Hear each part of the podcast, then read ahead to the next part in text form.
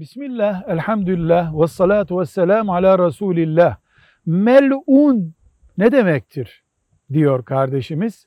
Mel'un lanetlenmiş demektir.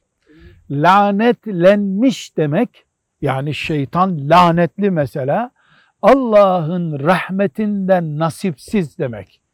Birisine mel'un dediğimiz zaman onu Allah'ın rahmetinden uzaklaştırmış sayılıyoruz. Bu bir nevi mecazi manada sövme anlamına da kullanılır.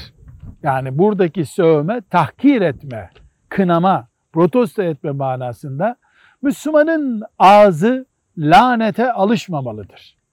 Lanet edecekse de Allah'ın lanet ettiklerine lanet etmeli.